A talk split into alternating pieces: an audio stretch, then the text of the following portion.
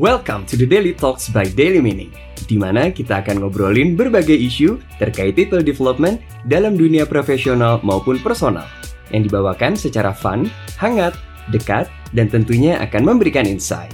So, if you want to level up, be impactful, and enjoy your life, listen to the Daily Talks by Daily Meaning, because we want you to be credible as a professional and happy as a human being.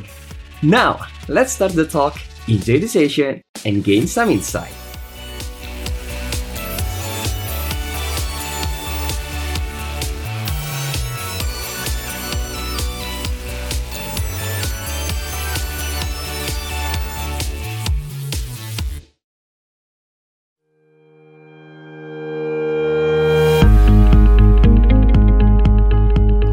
Apakah Anda punya keresahan dalam bekerja?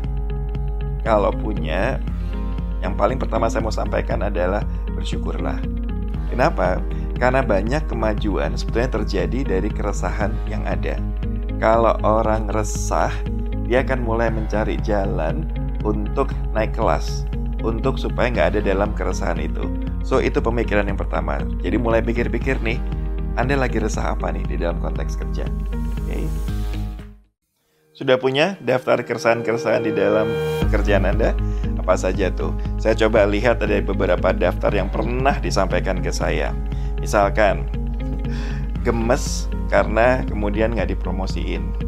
Eh, yang kedua juga resah kok kemudian ada anak baru tapi kok kelihatannya lebih populer.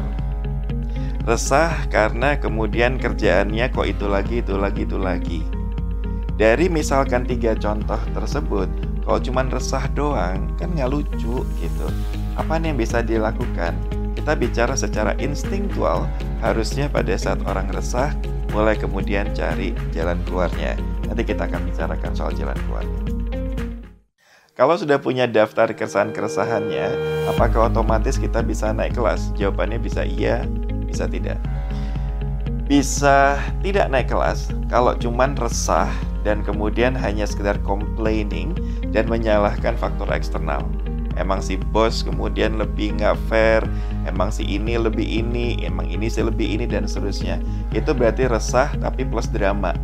Kalau resah yang nggak plus drama adalah cari jalan keluarnya di mana locus of controlnya kita lebih pada diri sendiri, apa yang bisa dilakukan dalam situasi ini supaya resahnya tidak berkepanjangan dan membuat diri kita tidak jadi korban.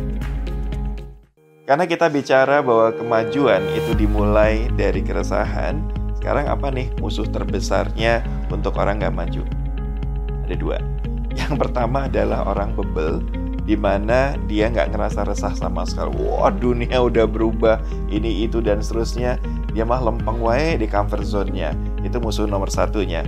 Musuh nomor duanya adalah resahnya berlebihan. Yang ada adalah panic attack, bukannya cari jalan keluar, tetapi lebih kemudian drama. Dua hal itu yang kemudian kita bilang resahnya tidak akan membuat kita jadi lebih maju. Jadi porsinya harus pas, ingat kontrolnya di diri sendiri untuk kemudian kita create progress, cari solusi dari keresahan yang ada. Sukses!